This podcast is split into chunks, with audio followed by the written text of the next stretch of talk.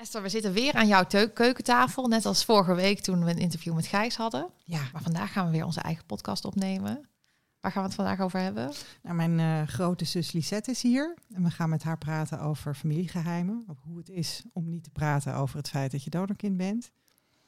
Ja, dat is het thema van vandaag. En daar hebben we ook een oproepje voor gedaan. Ja, ja, hebben we inderdaad ook een oproep voor gedaan in de geheime groep. Omdat we heel graag ook eh, spraakberichten van mensen wilden ontvangen.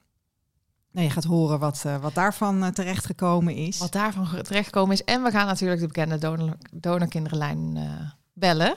Ja, en misschien verheug ik me daar nog wel het meest op, Eefje. Nou, spanning en sensatie elke keer weer. Laten we beginnen.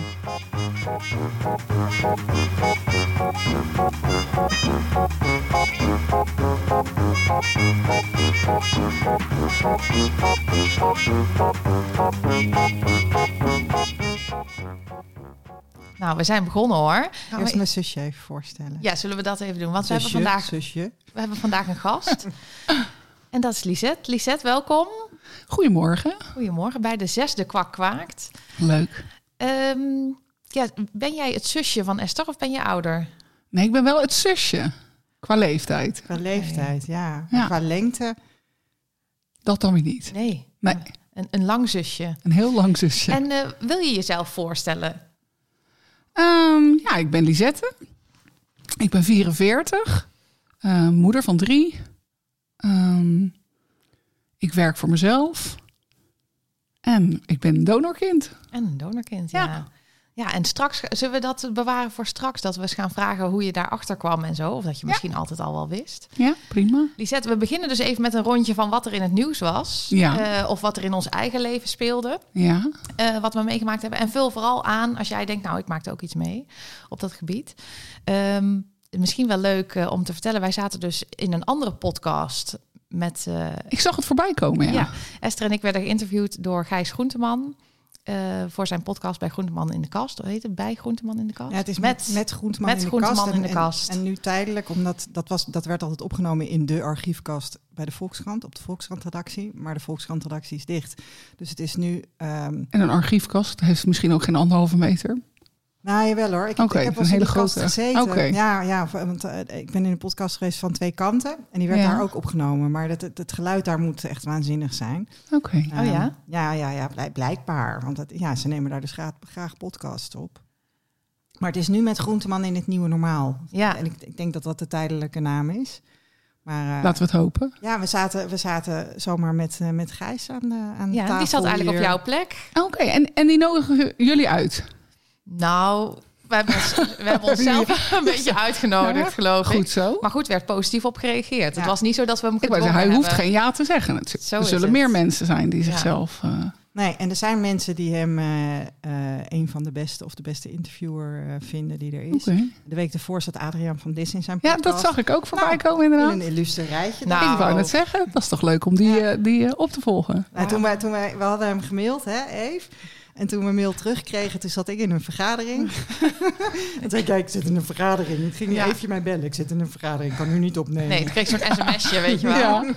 En ik... Mail van Gijs! Ja, uitroepteken, Ah. uitroepteken. Toen heb ik daarna heb ik eventje gebeld. En toen hebben we echt een tijd alleen maar gelachen. Gewoon, Gewoon echt, ik vond het heel erg leuk dat hij reageerde. Niet, niet getwijfeld, zo van, oh, nou mogen we echt komen. Nee. Nou wordt het opeens al eh, een soort serieus. Nee, maar het was dus wel eh, daarna een beetje... Ik vond het eigenlijk pas daarna een beetje spannend om het terug te luisteren. eh, merkte ik zelf. Dus ik, ik kreeg ook een beetje, oh, een beetje emotionele week daarna. Oké. eh, ja, ehm, weet je, je praat toch over jezelf, Mhm. maar daarmee zeg je ook iets over andere mensen. Ja. En dat, eh, dat eh, vond ik toch een Ja. beetje spannend. Van je wil niemand kwetsen. Ja, dat vind ik nu ook wel. Ja. Het idee dat ik, dat ik dit dan straks terug moet luisteren. Sowieso ben ik iets wat zelfkritisch. Ja, daar was ik dus benieuwd Dus- naar inderdaad. Ook hoe dat voor jou is inderdaad dan om hier te zitten. Maar ik had het pas achteraf. Dus eh, Ja, Ja, dat je dus eerst gewoon al het gesprek vrij onbevangen ja, gevoerd hebt. la la la. je- ja, Nou ja dat, ik Ja. ging er ook onbevangen in totdat jij dit zei. ja, En Lisette loopt weg. Oké, bedankt voor het gesprek. Boem, de deur valt Ja. dicht. Ja. Maar ja, weet je, we, we- we praten ook over onze ouders en zo. En, en, en over onze Mhm. omgeving. En ehm, eh, dat is inderdaad eh, soms spannend, hè? Ja. Ja, dat is dus best wel een beetje spannend. En ik krijg het dan in mijn lijf. Hè. Ik krijg dus last van mijn rug en, eh, en tranen. Oké. En toen ging, waren de tranen eruit en toen ging de rest ook weer beter. Ja, ja, dus ik ben was- het nu ook weer kwijt. Maar ik vond toch even, ja, het is toch, Ja. dan, toch niet niks waar je over Ja. praat. Nou ja, misschien ook eh, wat Esther net zei, is, eh, schijnt een hele goede interviewer te zijn. Dat hij misschien ook wel precies de juiste vragen weet te stellen. Ja, ik vond ook Om- dat hij het heel om- goed deed. Zeker. Ja, zeker. Maar het is ook wel zo, weet je, we, we, we zijn inmiddels ook wel wat gewend. Want ehm, ehm, we zijn met elkaar vier jaar geleden de Donor Detectives gestart. Daar is heel veel publiciteit omheen Ja. geweest. Dus we zijn wel gewend om te praten. Om erover te praten. Ja. Dus dat, dat ja. En zijn jullie er nog steeds niet over uitgepraat? Dat je op een gegeven moment denkt van moet ik nu weer dit verhaal? Of Nou, blijft het wel gewoon iets dat je denkt, nou, dat daar is zou wel een goed Ben jij nou de boel aan het omdraaien? Ja, sorry. Nee, maar ik vind het wel leuk dat je Ja. dat zegt. Want wij zeiden eigenlijk vorige keer tegen elkaar, net voordat Gijs hier was, zeiden van ja, maar we gaan niet meer een, eh, een interview voor de krant doen. Want we hebben nou zo vaak in de krant gestaan, dat Ja. weten we nou wel. Maar Ja. dit is dan toch een andere vorm, waarbij je iets meer kan toelichten. Kijk, een krantenartikel uiteindelijk... ehm, Heeft maar zoveel eh, eh, Ja. letters of woorden die erin kunnen. ja, en daar heb je toch minder controle over, in Ja. die zin, dan dat je hier ook... Krijgt toch de interpretatie van degene die het opschrijft Ja. van wat jij hebt gezegd. Ja, en dan konden wij vaak nog wel even redigeren naar de hand. Hè, dat we wel ons eh, mochten lezen voordat het gepubliceerd werd. Ja. Maar eh, dit, ja, hier kan je wat meer toelichting geven. Heb je meer Ja. tijd om te praten. Dus ehm, dat vond ik wel mooi. Maar misschien was dat ook het spannende. Want een krantenartikel, ja, dat zijn letters op papier. En hier hoor je jezelf terug, is toch weer anders. Ik wou zeggen, dit is misschien ook wel een stukje kwetsbaarder. Ja. Want dit ben je echt zelf en letters zijn maar letters. Ja, ja en dan eh, met die letters op papier kan je nog zeggen... Nou, die, Ja, dat heeft verkeerd geïnterpreteerd. heeft hij net iets dat anders bedoelde ik helemaal niet zo. Ja. Maar goed, dus eh, ja, dat, dat maakten wij nog mee vorige week inderdaad. Ja, en het heeft wel iets gedaan met onze statistiek, hè, Nou, Eefje? Ja, Lisette. eh, Vertel, vertel. ja, wij, ging helemaal door. Onze luistercijfers zijn verdubbeld. Oh, wauw. Ja, ja, ja, dus dat is wel heel cool. Dat is absoluut cool. Ja. Dus eh, dat noemen wij het Gijs-effect. Het Gijs-effect, oké. En, en jullie hebben straks zijn mailadres. eh. Wat zeg je? ik zeg, jullie hebben straks zijn mailadres voor mij. Ja, wil je ook het Gijs-effect? Nou ja, mocht ik ergens nog aandacht voor willen vragen. Ja. Nou ja, je kan gewoon. Wij hebben volgens mij via Instagram een bericht gestuurd of niet? Oké. Dus eh Ja. was heel makkelijk eigenlijk. Oké. Nou, superleuk, dames. Ja. Hey, Wat, wat eh, gebeurde er nog meer? Ik heb gisteren weer eens een dagje gestamboomd. En Oh dat, ja. was al, dat was al best wel eventjes geleden. En ehm, ik, ik had het ook wel nodig, geloof ik. Maar goed, het, het, het- er kwam eh, een, eh, een donorkind in de lucht. Ja, een donorkind. Het is een meneer die is geboren in 1954. Ik zag hem op Facebook. Ja, die, eh, eh, eh, die begon op wat dingen te reageren. En ik ken hem al een jaar of vijf inmiddels. En ik dacht, oh, het, weet je, dat is, dat is herkenbaar, hè? Dat mensen, dat het in golfbewegingen komt. En dat je Mhm. soms je druk of dan, dan is het even rustig. En dan, nou ja, dan komt er altijd ook weer een moment dat je ermee geconfronteerd wordt of dat je er iets mee wil. En nu dacht ik, nou, ik ga even contact maken, kijken of ik Ja. hem kan helpen. Zijn dochter was al heel lief gaan helpen. Die had zijn DNA al geüpload van Family Tree naar MyHeritage. En er zaten best leuke matches in. En nou, dan ga je bomen. En eigenlijk Ja. de dag eindigde wel, wel met dat we gewoon wisten wie zijn familie is en, en, en welke mensen die kan gaan benaderen. En dat is echt, eh, ja, dus dan, dan, dat is een hele vermoeiende dag met enorme adrenaline rushes. Als, je, als, je, als ik dan mensen aan elkaar verbind, weet je wel, als ik DNA-matches, dan bouw je die boom. En dan op een Ja. gegeven moment dan blijken die mensen inderdaad voorouders te delen. En eh, nou, een kind van hun trouwt dan weer met familie van een andere match. En nou, dan kom je dichterbij. En Ja, oh, ja. nou, dan kan ik niet meer stoppen. En dan moet de hond uit. En dan, nou, vreselijk, maar niet echt benaderbaar op zo'n dag. Nee.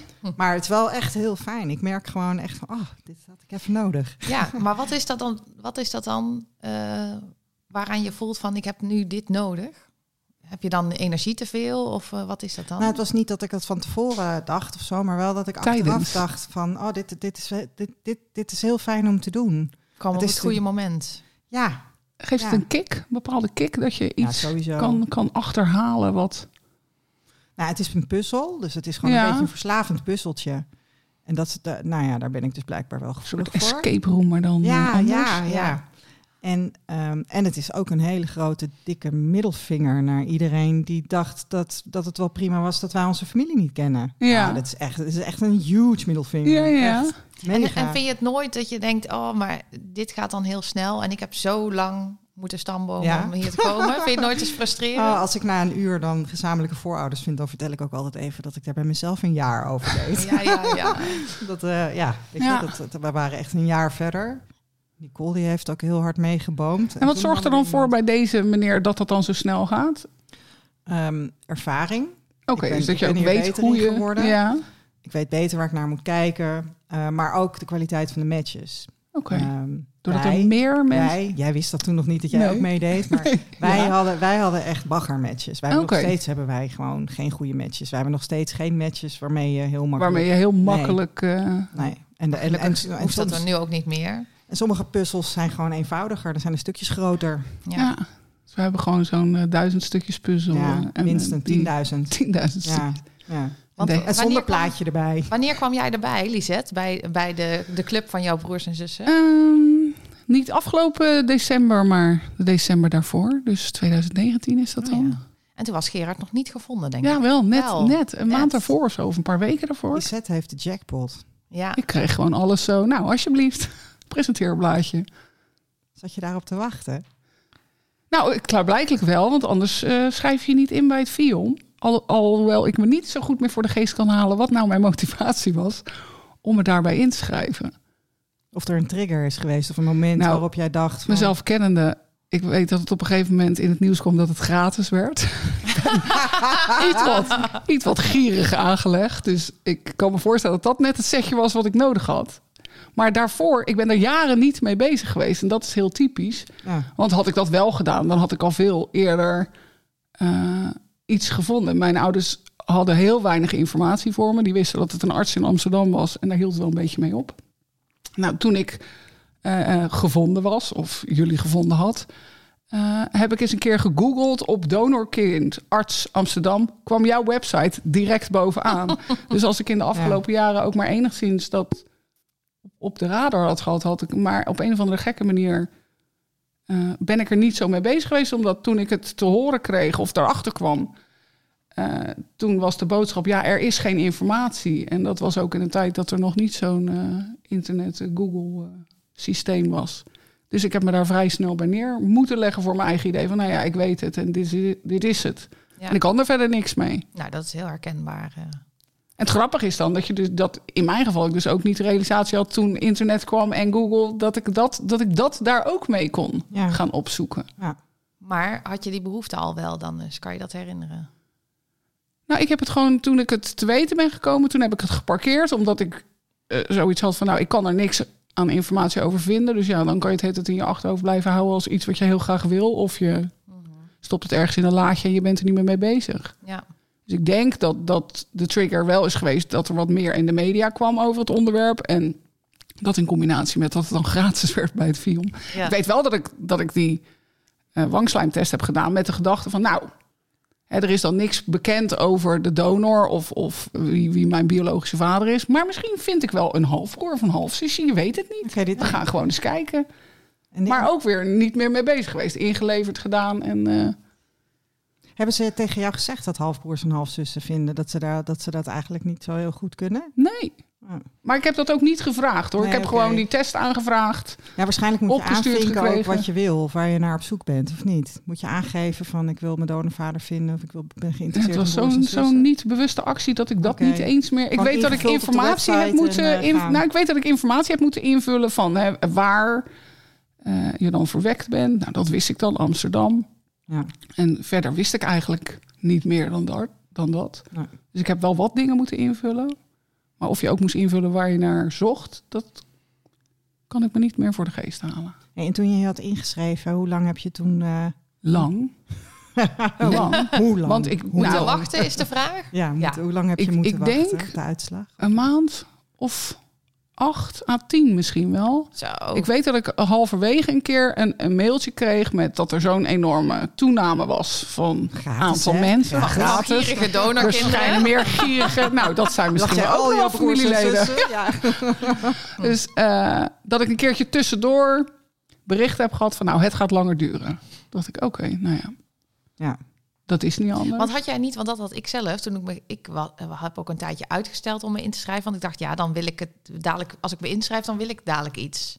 Nee, ik ben wel zo impulsief en eh, dat ik daar niet over nadenk. Dat ik dan denk, oh ja, leuk. Maar het was Dat ook niet zo doen. dat je dus toen dacht van, eh, ja, nou heb ik me ingeschreven, nou wil ik ook antwoord. Nee, nee, want ook daarin, ik heb het gedaan. En, Jij kan wel en goed ook dingen loslaten. klaarblijkelijk. Ja, inderdaad.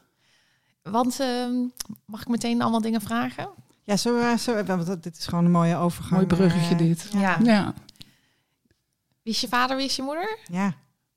Vertel. Ehm, wie is je vader, wie is je moeder? En, en dan wie is je vader in de zin van mijn, eh mijn bioloog? invullen? Oké. Ja. Nou ja, als je vraagt aan mij wie is mijn vader, dat, dat is gewoon mijn vader die mij opgevoed heeft. Die voelt voor mij als mijn vader. Die ken ik al mijn hele leven. Die zorgt al mijn hele leven voor me. En als ik hem nu nog, hij is nu 80, als ik hem midden in de nacht zou bellen, omdat ik hem om wat voor vage reden ook nodig zou hebben, springt hij nog steeds in de auto om me te redden. Dus Dan is die eh, daar voor jou. ja, ja. En wie is mijn moeder? Ja, mijn moeder is ook gewoon een hele lieve, zorgzame vrouw. Die, die altijd voor de kinderen klaar staat. En waar, eh, waar hoort jouw donorvader in dit eh, geheel? Ehm, ja, het voelt voor mij niet. Ja, het is ook weer zo'n vaag begrip. Want ja, hoe voelt een vader? Ik, ik vind hem een soort wel belangrijk. Want zonder hem was ik er niet geweest. Ik vind het ook heel jammer dat we niet de kans hebben gekregen om hem te, te leren kennen. Of te ontmoeten in ieder geval minimaal één keer.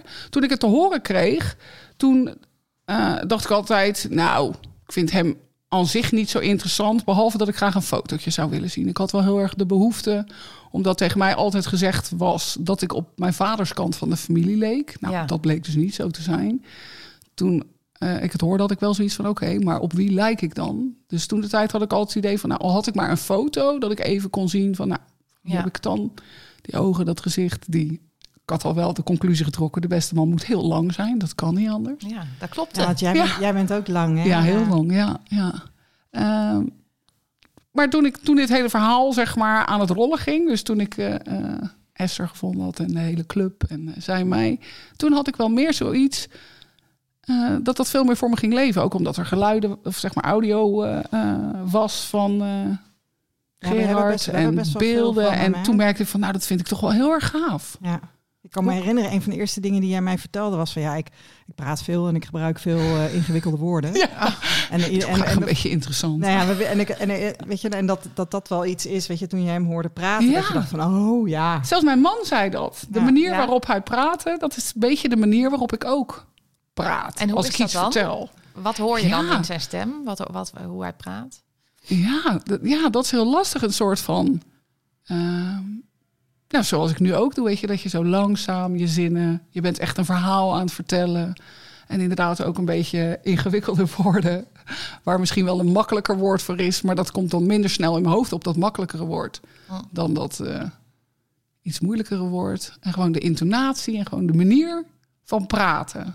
En is dat iets waar je zelf ook je best voor doet, hè, om iets moois te vertellen? Of zeg je, Nee, het dat, gaat dat is vanzelf? gewoon een natuurlijk iets volgens Ja. mij. Dus dat heb je van je, va- van je Ja. donorvader. Ja, Ja. ja, ja. Hey, en heb jij dan altijd geweten dat je van, eh, van een donorvader was? Nee, nee. Ook nooit vermoed tot het punt dat ik... eh, Vond je jezelf dan echt op je opvoedvader ja, lijken? dat vind ik nog steeds. Ja? Ja, gek genoeg. Ik, eh, ik had van het weekend een foto waarop ik naast hem zit. En dan nog als ik naar ons kijk, denk ik, nou, het is toch gek. Ja. Ik lijk toch gewoon op die man. ja. Het is dat DNA het bewezen heeft. Ja, anders. ja. Nou, ik was ook toen ik het te horen kreeg, heb ik eerst dat ik een, een soort van ontkenning. Want toen zei ik, nou, dan is het toch gelukt. Ik weet niet hoe jullie het hebben gedaan, maar is toch één zaadje van eh, deze man heeft het toch gewoon gered. Want het dat ook kan niet herkenbaar hoor, want ik heb, ik, ik heb dat met mijn vader ook wel Ja? gehad. Dat ik dacht, nou Dat is niet ja, doodzaad. Nou, er was, er was er inderdaad eentje. Ja, toch, toch. Ja. Maar volgens mijn moeder, ik weet niet precies wat het probleem was. Maar volgens mijn moeder, die kwam zeg maar naar aanleiding van de, de ontdekkingen bij mij thuis eh, langs voor een officieel gesprek. Die zei, het kan echt niet. Nee. Het is echt onmogelijk. Want wil je eens dus niet- vertellen hoe dat is gegaan, die ontdekking? Ja hoor, ik, ik weet. eh, in mijn beleving heb ik altijd geweten dat het bij mijn ouders wel wat moeite heeft gekost om kinderen te krijgen. Ehm, ik denk dat het een soort logische conclusie is geweest van het feit dat mijn moeder was al bijna 30 toen ze mij kreeg. Mijn vader is nog wat ouder. En ze waren al een, een jaar of acht, negen getrouwd. Dus of ik daar zeg maar zelf die conclusie uitgetrokken heb van nou in die tijd is dat niet heel erg standaard dat je zo lang wacht tot er kinderen komen. Dus daar heeft wat moeite, moeite eh, in gezeten. Plus dat ik het idee heb dat ik ooit een buurvrouw er iets heb over horen zeggen. Volgens mijn ouders kan dat niet, omdat niemand op de hoogte was. Maar wat ik dan. Ik heb als kind iets opgevangen daarover. Want in mijn beleving wist ik wel dat wij met hulp verwekt zijn. Dus ik wist dat het niet zeg maar op de natuurlijke manier eh, eh, gegaan was. Ja. gegaan was, maar dat eh, met inseminatie dat ik op die manier verwekt Ja, was. maar dan kan je nog denken met Nou ja, daar was, daar- ik heb niet eens getwijfeld. Ik heb niet eens nagedacht over Dat het idee dat dat dan niet met het zaad van mijn vader zou zijn gebeurd. Dat was niet eens in me opgekomen, ook Nee, weer gek genoeg. Dat bedenk je ook niet Nee. natuurlijk nee, zelf. en ik heb dat een, een, rond mijn 21ste heb ik dat met mijn toenmalige man heb ik het daarover gehad, want ik, ik praat er daar verder niet over, maar dat is wel iets als je dan een lange relatie hebt dat wat er sprake komt. En hij heeft het toen met mijn zusje besproken, want bijzonder genoeg had ik dit ook nooit met mijn zusje besproken, omdat het gewoon niet een onderwerp was van gesprek. En hij heeft dat wel met mijn zusje gesproken. En mijn zusje heeft toen in een gesprek met mijn ouders eh, het daarover gehad. En die had dus wel de tegenwoordigheid van geest om de brutale vraag te stellen van... ben ik dan wel van papa? En toen voelden mijn ouders zich dusdanig voor het blok gezet. En eh, ze hebben ook achteraf gezegd van... kijk, dat je iets niet vertelt is iets anders dan dat je er echt over moet liegen... op het moment dat er een rechtstreekse vraag gesteld wordt. ja. Dus Vind je dat moment- zelf ook? Ehm, ja, misschien, misschien ben ik het wel met ze eens daarin. Misschien niet helemaal, ja. Want als kind kan je toch niet... eh, want mijn moeder zegt dat dan ook tegen mij... maar ik kan Ja. als kind die vraag toch helemaal niet bedenken. Dus, Nee. dus dan is het wel heel makkelijk om te zeggen van... ja, ik heb gewoon niet verteld. Want ja, hoe had ik moeten weten dat ik dan die vraag had moeten stellen? Ja. Ja, ja maar ik, ik snap wel dat, dat ze het niet verteld hebben, denk ik. Allereerst omdat het gewoon een heel moeilijk onderwerp is, een soort kwetsbaar onderwerp. Wanneer en hoe ga je dat brengen? En ook omdat toen de tijd natuurlijk ook heel erg de nadruk lag, ook vanuit de, de artsen, zeg maar, die ermee bezig waren. Van nou, Ja, het is slecht voor je kind op de lange termijn als ze het weten. ja. Ze een mooie Ja. draai aangegeven, ja, inderdaad. En zeker mensen van de generatie van, van mijn ouders, die hebben nogal veel Ja, dan eh, had respect wel- ja. voor, voor eh, de, de medici. Dus Denk ik, in, in deze tijd zouden we daar misschien anders in staan.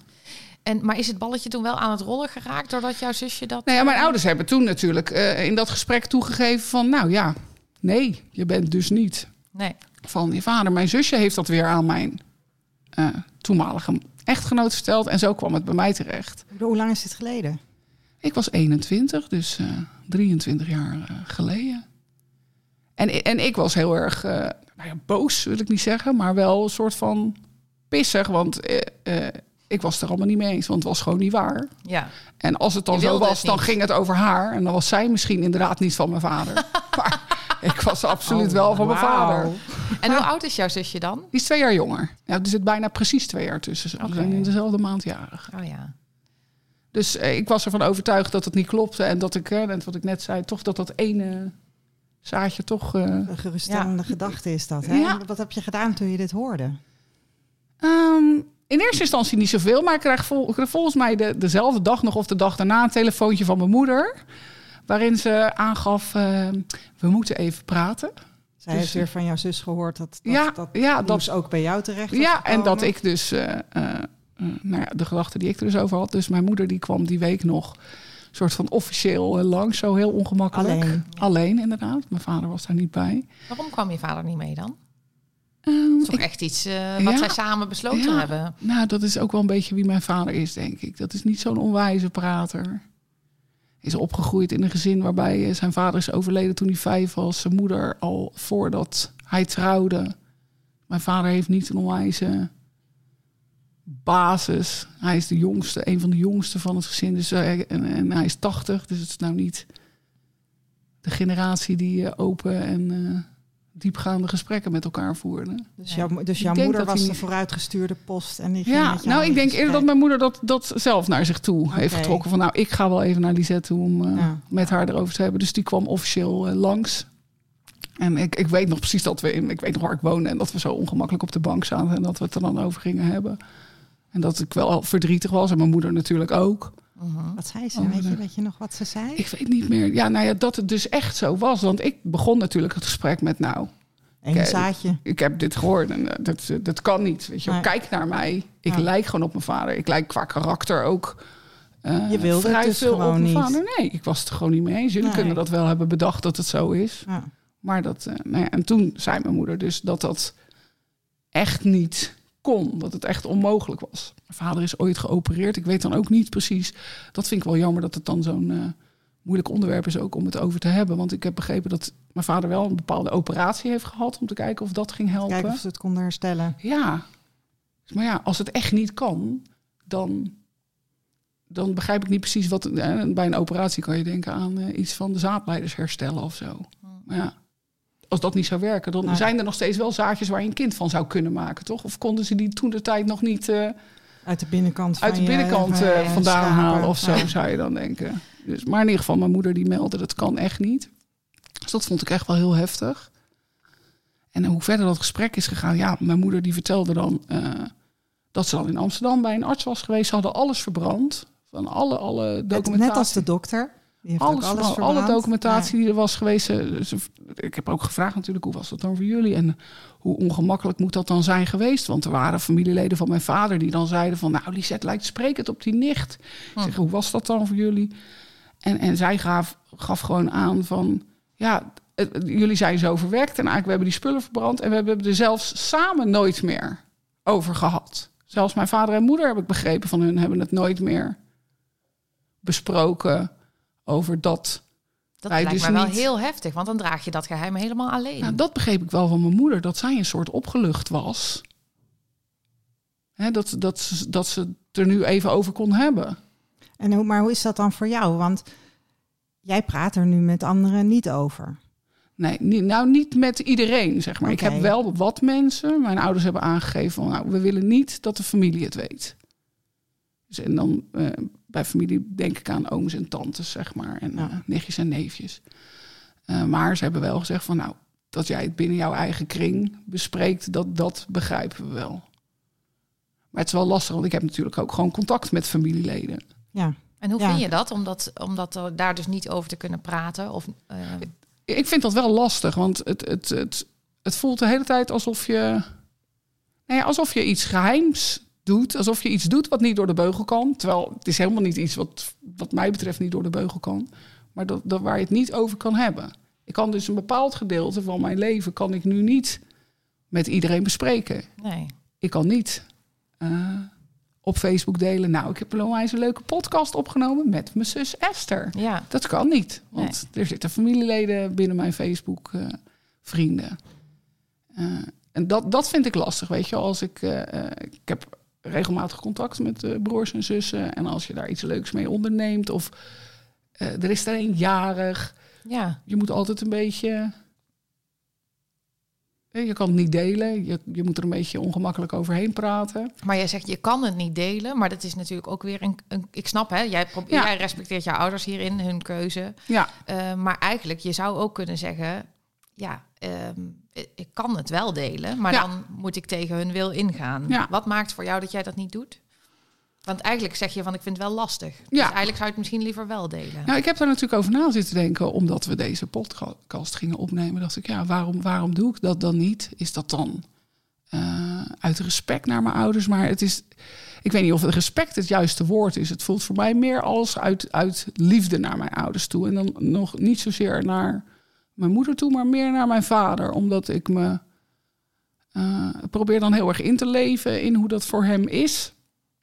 Eh, sowieso al het bericht als man zijnde van zijn generatie dat je zelf geen kinderen kan krijgen. Dat, dat hakt er denk ik best aardig in. En ook ik heb wel eens heel kort met mijn vader over dit onderwerp gesproken.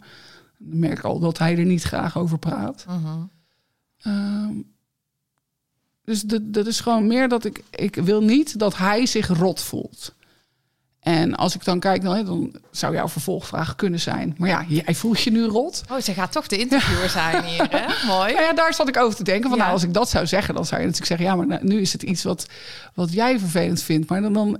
Ik heb het een beetje in een... eh, een, een eh, hoe moet je dat zeggen? Een soort graadmeter gegooid. Als ik voor mezelf kijk, nou, op een schaal van 1 tot 10... hoe erg vind ik het? En Mhm. Op een schaal van 1 tot 10... hoe erg is dit onderwerp? Hoe lastig is dit onderwerp voor mijn vader? Dan wint hij. Ja. En eh, vanuit die gedachte heb ik het er dan dus niet eh, open en bloot over. En zou je ook niet denken, want eigenlijk is het dus een soort schaamte.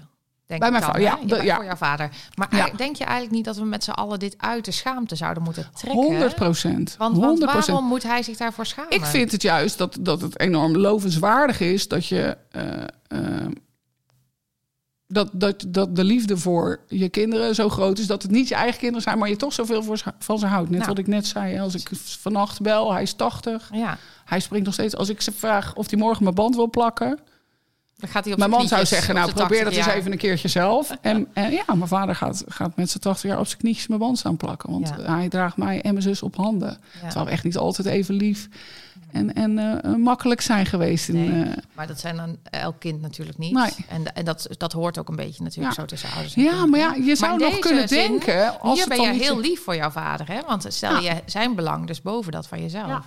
Alleen je kan je ook afvragen: van is, is dit iemands belang? Want hij loopt nou ook nog steeds met een geheim rond. Ja, Maar ja, dat is misschien niet. Dan voel jij dan misschien van dat is aan hem om te beslissen Ja. of hij dat. ehm, ja. Ik vind niet dat het iets is waar zij, hij zich voor moet schamen. nee. Dat heb ik ook tegen hem gezegd.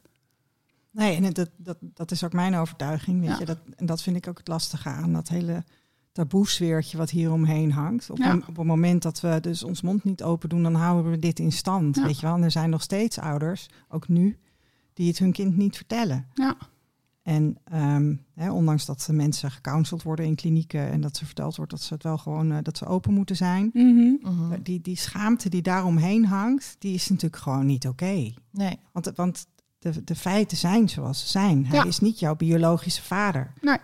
En hij, hij is wel je vader. Ja. Want dat is, dat, en dat is juist ook het De- mooie aan dit verhaal. De biologie maakt ook niet iemand tot vader. nou ja, ook. Vind de ik. biologie maakt iemand ook tot vader. Want als je, als je een DNA-testje doet met iemand die je vader is, dan komt daar vader-kindrelatie uit. Weet je, je hebt als Ja. kind heb je een vader en een moeder. Ja, Maar ik denk dat wij in een constructie zitten waarin je meer vaders kan hebben. ja, En dan heb je dus, je hebt je vader. Ik heb ook een vader. En ik heb Gerard. Ja. En die kunnen ieder hun eigen rol vervullen. Die hebben allebei een eigen plekje. Dat, daar, is ook, daar is bij mij geen enkele sprake van, van, van ook maar een millimeter Nee, overlap. of concurrentie of... Nee, helemaal precies. niet. Nee, Helemaal maar niet. soms denk ik wel eens dat, kijk, wij hebben geen eh, contact met onze eh, opvoedvader. En, Ja. en jij dus wel, heel warme band, vertel je ook. Ja. En soms denk ik dat, dat eh, die warme band het ook moeilijker maakt, omdat je die ander niet wil kwetsen. Ja. Ik weet niet, wil jij daar, kan jij daar iets over zeggen hoe dat voor jou Ja, daar heb ik ook over na zitten denken. eh, van tevoren al inderdaad. Ik denk dat dat wel meespeelt.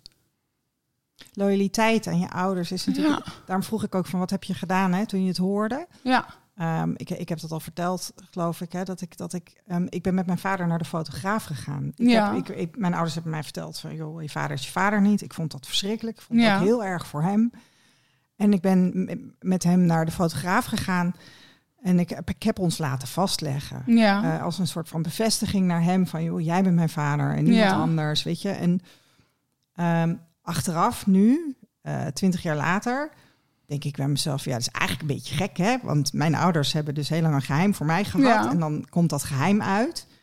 En dan ga ik zeggen van, nou, dat geeft niet hoor, dat geeft niet. Terwijl het natuurlijk ja. eigenlijk wel geeft. En zij mij hadden moeten vertellen van, lievertje, het geeft niet. Ja. Het maakt ons niks uit. ja. Ehm, maar dat dit, dat dit is volgens mij wat loyaliteit doet. Dat je, dus, dat je je als kind dus ook daar verantwoordelijk voor voelt. Ja. En je bent niet de enige. Hè? Ik bedoel, we hebben in de geheime groep van Stichting Donorkind hebben wij een vraag gesteld. Eh, daar hebben we gevraagd van, joh, wij zouden heel graag ehm, eh, van mensen horen die, die ervoor kiezen om dit geheim te houden. Ja. En je ziet de, de, de, de, de, de, de reacties, die, die raakten mij ontzettend. Omdat je, je leest daar heel veel pijn in en verdriet en, en liefde ook. Mhm. Ja. Ehm, het is, het, het, en die liefde is heel mooi. Maar wat ik daar lastig aan vind, is dat je natuurlijk... Jouw ouders waren volwassen mensen toen ze dit deden. Die hebben toen een beslissing genomen. En het kan dus gebeuren dat je ergens in je leven een keer iets stoms doet. Iets waarvan je achteraf denkt van, oh kut, dat had Ja. ik anders moeten doen. En dan zit je op de blaren. En eigenlijk met, door, door, door, door het mechanisme hier...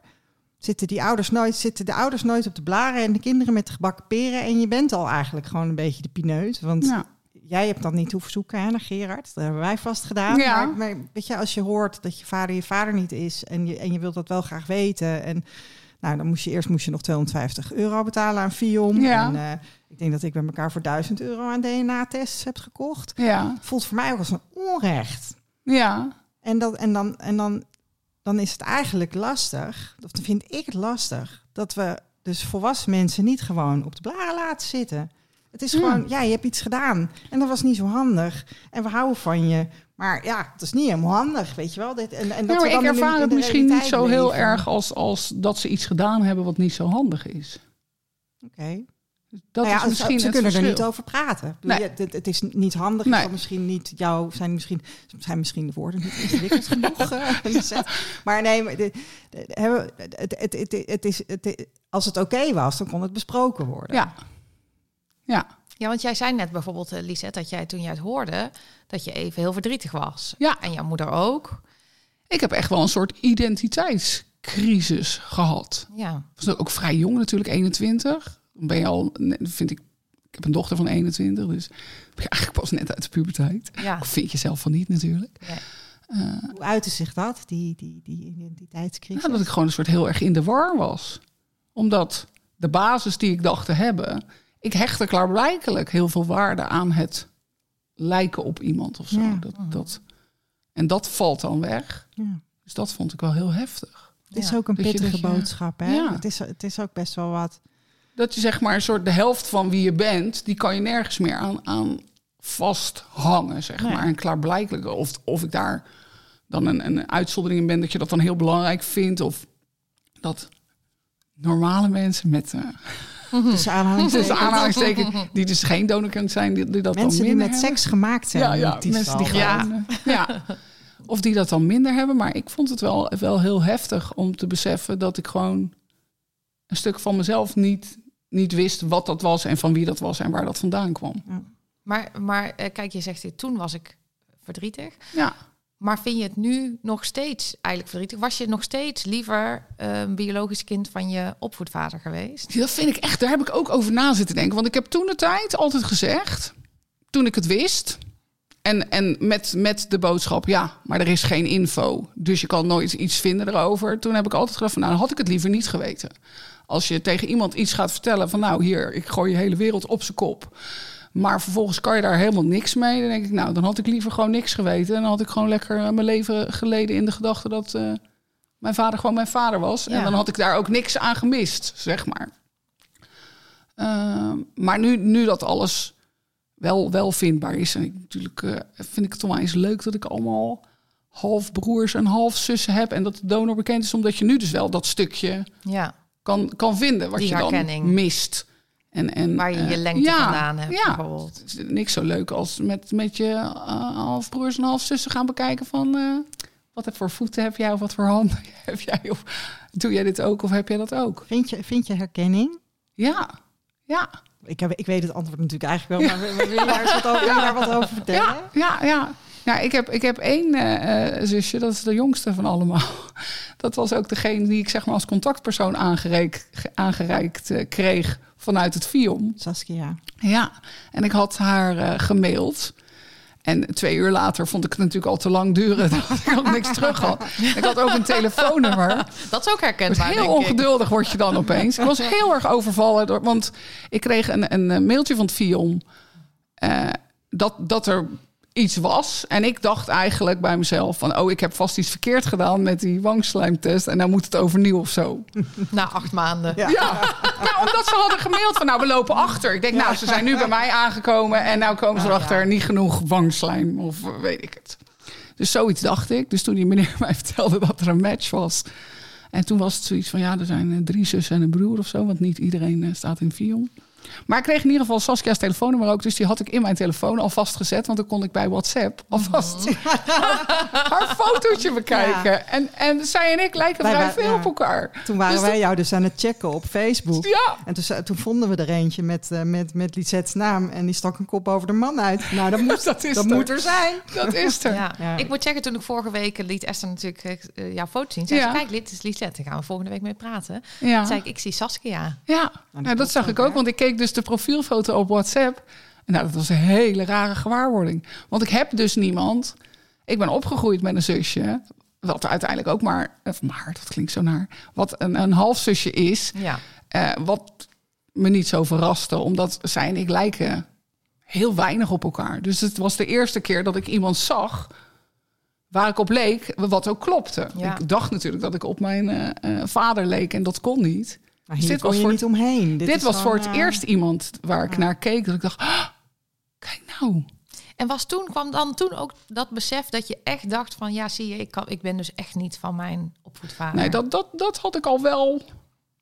Toen mijn moeder daar zo standvastig in was, had ik al wel zoiets van, nou ja, dan, dan kan het niet.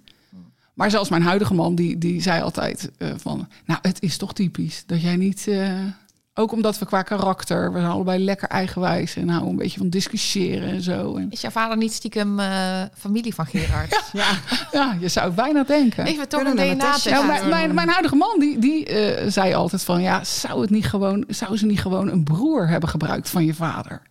En dat het daarom ook. Oh ja. Dus Nou, dat heb- was zijn dat- eh, ik idee heb- erover. ik heb dat wel met mijn ouders besproken. Mijn vader had drie broers. Ja, En ik heb gezegd, waarom hebben jullie nou niet gewoon een van Ja? je broers gebruikt? Ja. Ja. Want dan was ik in ieder geval nog familie Ja. geweest. Maar ja, dat was, al- het was allemaal niet belangrijk hè, dat je familie van elkaar was. Dat Nee. maakte allemaal niet uit. nee. Nee, nee Dus, die eh, gedachte zat erachter natuurlijk. Hè? Wat ik, wat, wat ik, ik wil wel even vertellen wat ik ervaar nu. Want ik heb dus Ja. als, als Lisette zo zit te praten... dan komen er bij mij dus echt soort van gevoelens van verliefdheid los. Ja, Ja, ik echt. Oh, ik vind het zo. Ja, ik vind dit, dit, dit vind ik dus het gekke aan broers en zussen. En ik ben natuurlijk opgegroeid als enige kind. Ja. Dus, ja. eh, en als jij dan naast mij zit en, en zo zit te praten, dan voel ik helemaal zo. Dan komt echt helemaal zo'n vuurtje in mijn buik. Ja, echt. Maar oh, wat dat, is ze lief. wat is dat heb ik ook Oh. hoor. Dat heb Ja? ik ook. Ja, met iedereen die ik de eerste keer. En, en zeker ook met Es- Esther. En ook eh, met anderen natuurlijk. Maar met Esther dan moet moet je kijken. Die kijkt Ja. ook zo aan. Jullie kijken elkaar inderdaad ook heel verliefd aan. Die kan je ook zo aankijken dat je denkt, oh, er Erg, hè? Ja. Ja. Dus dit had je dan toch niet willen missen, Lisette? Nee, eigenlijk? absoluut niet. Nee, ik Nee. vond het echt... Ik, Met nog terugwerkende steeds. kracht, toen zei je eventjes, had het me maar niet verteld, Nou ja, maar dat, is voorbij. Dat hangt dus heel erg aan of weet je, als jij het aan iemand wil gaan vertellen. Maar kijk, nu is er dus heel veel mogelijkheid om sowieso te vinden. Ongeacht of, of jij nog wel of geen informatie hebt. Maar eh, ik kan me wel voorstellen dat wat ik, wat ik gezegd heb, daar sta ik nog steeds achter. Als je iets aan iemand gaat vertellen, maar iemand heeft niet de mogelijkheid om daar ook maar iets mee te doen, nee, dan is het alleen maar iets wat, wat je leven volledig op zijn Ja. kop zet. maar dan is dat En misschien wat- ook nog wat- anders voor jou, want jij had nooit een idee. En sommige mensen hebben natuurlijk wel zo'n Ja. onbestemd gevoel. En dan Ja, denk ik nee, zelf ik van, echt- kan je het beter wel vertellen?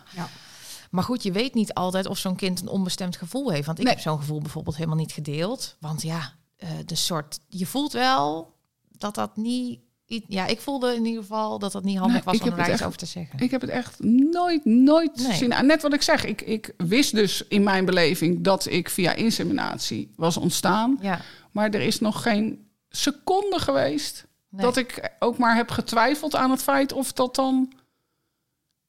En dat is dan zo grappig, want mijn zusje die heeft die vraag dus wel. Dat was het eerste wat in haar opkwam. Dus Ja. dan denk ik, nou, ja, maar misschien heeft zij dat gevoel wel gehad. Hebben Ja. jullie daar wel eens over gehad? Of praat je met je zusje ook niet echt over? Hmm, we praten er wel over, maar niet, niet heel uitgebreid. Zij is er op een hele andere manier mee bezig dan ik. Ik ben best wel een familiemens, altijd al geweest. Hè? Ook eh, voordat ik deze familie eh, erbij had.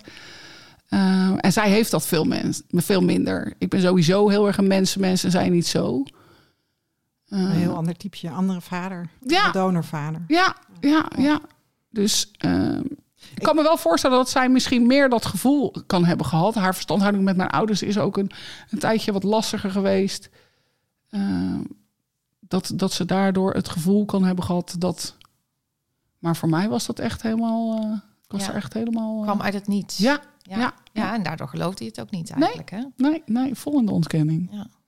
Hey, ik vertel geregeld over die erfelijke eh ziekten die bij ons in de familie zitten. Ja. Mag, ik, mag ik ja, daar iets over vragen? Ja, natuurlijk. Want toen we jou ontmoeten, dat is dan een van de dingen die besproken moet Ja. worden. Hè? Van nou, welkom in de familie. Ja, Je moet naar de ja. dokter. Oh ja, trouwens. Ja, ja. Ehm, wij, wij weten wel waarom jij zo lang bent. Ja, ik nu ook. ja, ja. Hoe- hoe was dat voor jou? Ja, Misschien dat vond ik voor wel de mensen die luisteren en die dat nog niet weten van jouw familie. Is Ja. het handig om te zeggen waarom Ja, is Lisette al zo lang? Ehm, nou, Gerard die eh, had het syndroom van Marfan. Dat, Ja. wist, dat wist hij niet. Eh, als wij foto's zien, nou ja, dan, dan zien we het wel. Is Eh, te overduidelijk, ar- maar Ja, en dat is met de kennis van nu ook. Nou ja, een arts had dat op zich kunnen zien. Want Marfan is vanaf 55 bekend. Dus iemand, met zo'n raar lang lijf. Je had minimaal kunnen denken van, hmm, Je had je er even in kunnen verdiepen. typisch. Maar dat, eh, dat is niet gebeurd. Nee. En, en dat betekent dat Gerard een hele hoop kindertjes heeft. En dit is iets wat autosomaal overerft. Dus statistisch gezien heeft de helft van ons heeft, het syndroom van Marfan. Ja. Dat is ook eigenlijk wel een beetje zo, toch? De helft de- Ja. van degene die we tot nu toe kennen. Ja, nou, het, ja, het gekke vind ik dat zijn wettige kinderen het dus niet hebben. Dus als hij het daarbij Ja. gehouden had, Dan was dan was het het gewoon afgelopen geweest. Ja. En nu hebben wij dus allemaal broertjes en zusjes met de spontane mutatie. Ja, heel van spontaan.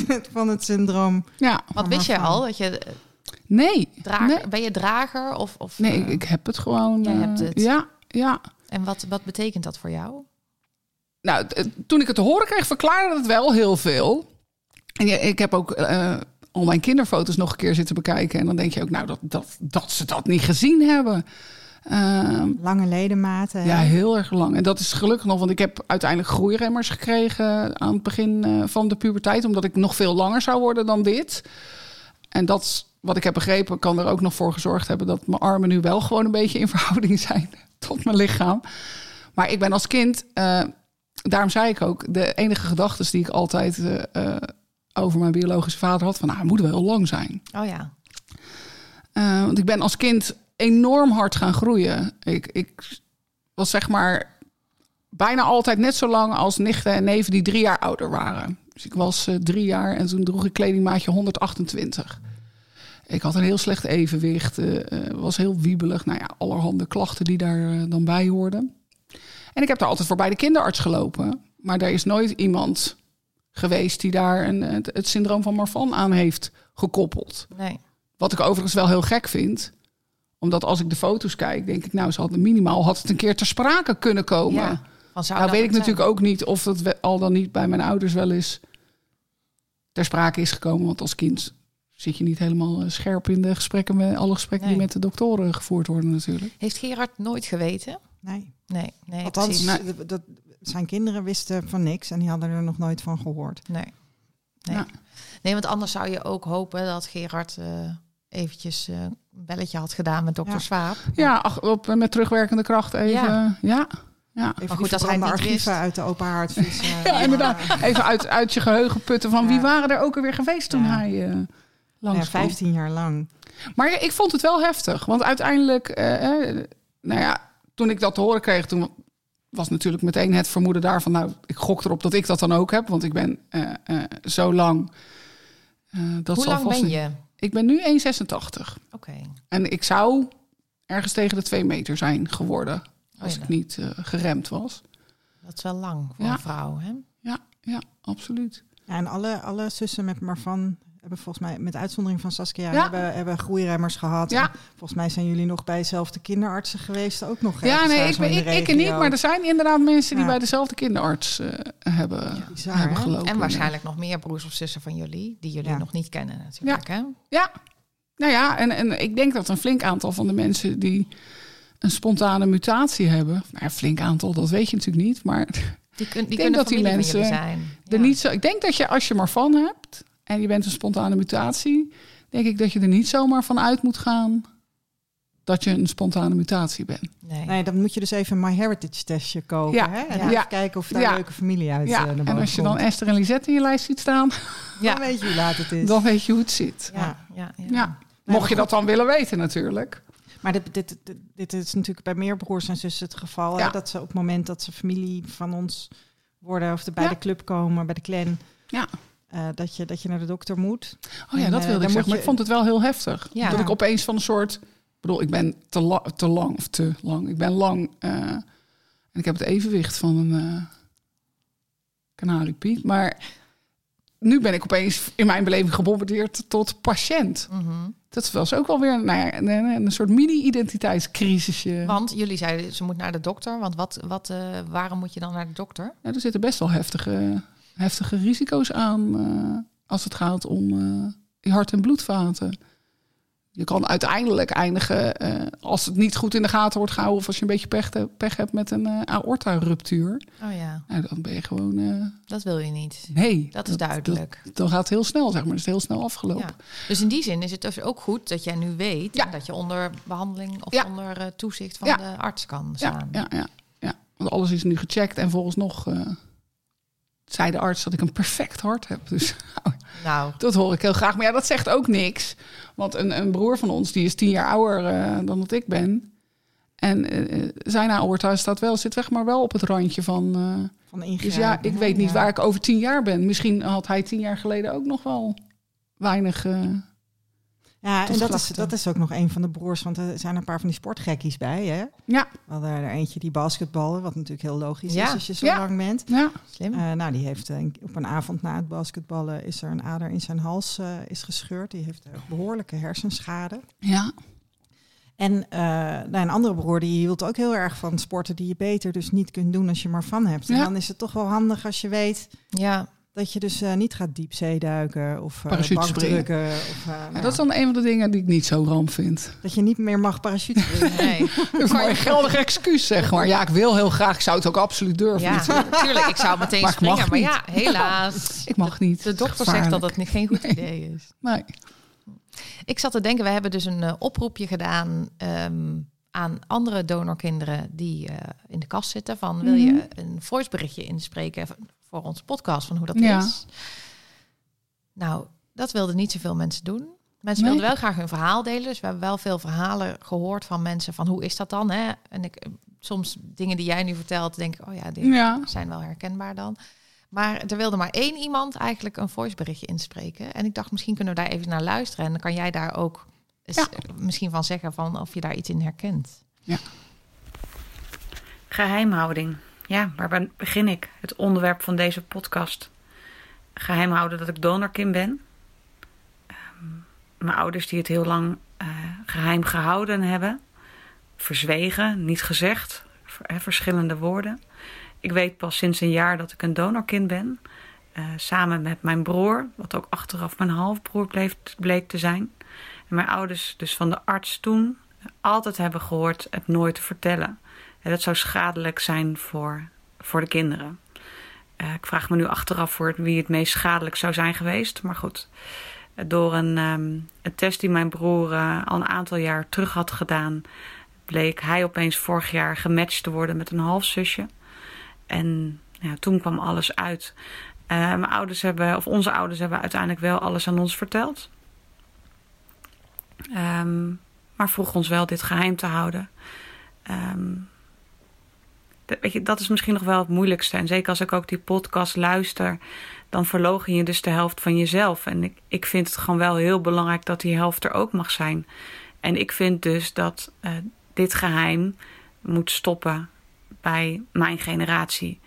Ehm, ik heb het geluk dat ik eh, mijn mogelijke donor al heb gevonden. De resultaten eh, zijn we nog op aan het wachten. Dat ligt bij het FIOM. Helaas moeten we daar best heel lang op wachten. Eh, en als dat bekend is, dan ga ik zeker mijn kinderen vertellen hoe het zit. Eh, uiteindelijk ben ik in liefde ontstaan. En ik denk dat dat de basis is dat heel mooi is. Maar het geheim mag er gewoon niet meer zijn. Eh, dat is hoe ik erover denk. Nou, dat is dus iemand die best wel eh, moeite heeft ook. Hè, met, eigenlijk zeg Ja. jij dat ook wel, maar die best wel moeite heeft met de geheimhouding. Ja. Ja, alleen haar woordkeuze is nog iets heftiger. Ja, dat hoor ik ook. Ik hoor inderdaad het woord verlo- verlogen. En dan, denk ik, eh, dan ga ik inderdaad meteen nadenken. Voel ik dat dan ook zo? Nee. Ik, had het, ik mag er gewoon van alles. Ja, weet je, het, het voelt, bij mij is het ook niet zo dat mijn ouders tegen mij echt letterlijk hè, hebben gezegd van je mag het er niet over hebben. Nee, maar wel in bepaalde kringen niet. Zij, ja, zij hebben aangegeven dat ze dat niet fijn zouden vinden. Nee. Maar er is, niet, er is mij niet verboden, zeg maar. Zo voelt het in ieder geval niet voor mij. En jij doet Dus het uit dan meer, ja, het voelt dan meer, en misschien is dat niet zo, maar het voelt voor mij meer alsof het een, een keuze is Mhm. dat ik daar dat ik daar gehoor aan geef aan het feit dat zij dat niet fijn vinden. Ja. En, en vind je ook ehm, dat je je dat ouders dat ehm, ehm, schuldig bent, zeg maar? Nee, nee. Nee, nee, nee. Zo, zo denk ik sowieso niet. Ik ben mijn ouders niks verschuldigd. Zij hebben mij gekregen. Ik heb daar niet om gevraagd. Nee. Dus ik, ik vind sowieso. Ehm, ik heb daar wel over na zitten denken als het gaat over ge- geheim houden. En dan heb ik het geprobeerd een beetje om te draaien. En dan te bedenken van, nou, wat nou als, als een van mijn kinderen een, een, een situatie zou hebben en mij zou vragen om iets geheim te houden voor hun. Wat mij dan misschien wel een beetje in een. eh, nou ja, net zoals dit een beetje een, een lastig pakket is, omdat je het er misschien toch wel over zou willen hebben. Denk ik, zou ik het dan, zou ik dat dan doen? Denk ik, ja, dan zou ik het ook doen. Dus het is meer iets misschien wat in mij zit waarvan ik denk van ja, eh, voor familie, Mhm. dan, dan doe je dat wel eens. Iets wat voor jezelf dan niet zo prettig is. Mhm. Ja, maar zij heeft het ook over de volgende generatie, hè? Ja, Hoe is dat voor jou? Hoe ga jij hier met je kinderen mee om? Nou, mijn kinderen wisten dus ook nog helemaal niks hierover. Toen ik, eh, die, die wisten niet, want ik heb een soort van in het geniep die, die, die eh, test gedaan van het FIOM. Want mijn kinderen wisten helemaal niets van de hele situatie. Dus toen dit allemaal, eh, toen eh, ik jullie allemaal hadden, had gevonden, of jullie mij, toen moest ik ook met mijn kinderen natuurlijk dat, dat gesprek aan. Want ik was er zo vol van, dat kan je niet, niet over hebben. Want het was overduidelijk dat er iets met mama aan de hand was. Ja. En die waren wel een soort van in shock ook van nee. Nou, dat, dat hadden ze helemaal niet zien aankomen. Vonden het natuurlijk ook wel heel erg interessant. Eh, eh, maar ja, ook heel open erin en, en eh, ook niet, niet. Dus ze vonden er ook niks van. Ze vonden het eerder dan nog zielig voor, voor opa, zeg maar. Eh, dat hij dan geen kinderen kon krijgen. En, en alle drie hadden ze ook zoiets van, ja, opa is mijn opa. Dat verandert daar helemaal niks aan. Maar als jij zegt, eh je hebt het aan je kinderen verteld. Ja. Maar betekent dat dan ook, want met de familie van vaderskant hebben zij natuurlijk ook contact. Betekent dat dan ook dat jij dan weer aan jouw kinderen hebt gevraagd van... eh, wil je- Ik heb aan, wel aan hun, eh, aan hun verteld, zeg maar, wat, wat eh, hun opa, dus mijn vader, aan mij gevraagd heeft. ja, en niet ook weer bij hun neergelegd dat ze daar, daar zelf vrij in zijn. Ja, Nou hebben zij, maar dat het opa het fijn zou geen- vinden als ze ja, er niet Ja. over praten met die familie. Ja, nu is daar ook weinig contact hoor. Dat zijn natuurlijk nichten en neven van mij en ooms en tantes van mij. Dus op zich hebben mijn kinderen daar, daar minimaal contact mee. Misschien dat ze een keer op een verjaardag eh, ze zullen zien. Dan is het nou niet echt de gelegenheid dat, dat je zomaar random op een verjaardag even erin gooit. Oh ja, trouwens. Ja, Hebben jullie al gehoord van de nieuwe zus van mijn moeder? ja. Ja, Nou, Dus- in die zin is er wel iets. Het is wel iets wat heel erg speelt. Dus in die zin lijkt het mij dan weer lastig om daar niks over te zeggen. Maar misschien is dat niet zo. nou.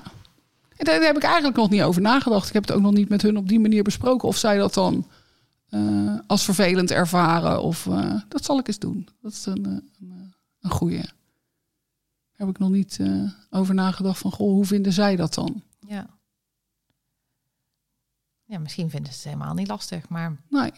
Sommige mensen, net als eh, hè, deze vrouw die eh, een bericht heeft ingesproken, aan haar stem hoor je wel dat ze het heel zwaar mee heeft. Ja. En dat ze echt belangrijk vindt dat haar kinderen die, dat niet, ehm, daar niet over hoeven te zwijgen. Ja. Het is sowieso denk ik wel belangrijk überhaupt dat je kinderen het weten.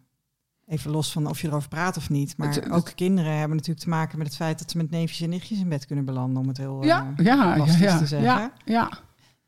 Ja, alhoewel ik nooit had gedacht voordat eh, eh, eh, ik jullie allemaal kende, dat, dat, dat zo'n grote groep oh, ik, ik, zou had, zijn geweest. Heel naïef Nee. ben ik klaarblijkelijk. ik had wel, toen ik het hoorde, heb ik meteen gedacht van... Oké, de vader van mijn man, ehm, zou die gedoneerd hebben? Ja, ja, ja, ja. Ik heb dat toen wel echt eh, Ja. gedacht. En toen dacht ik ook, nee, die zou zijn zaad heel duur verkopen.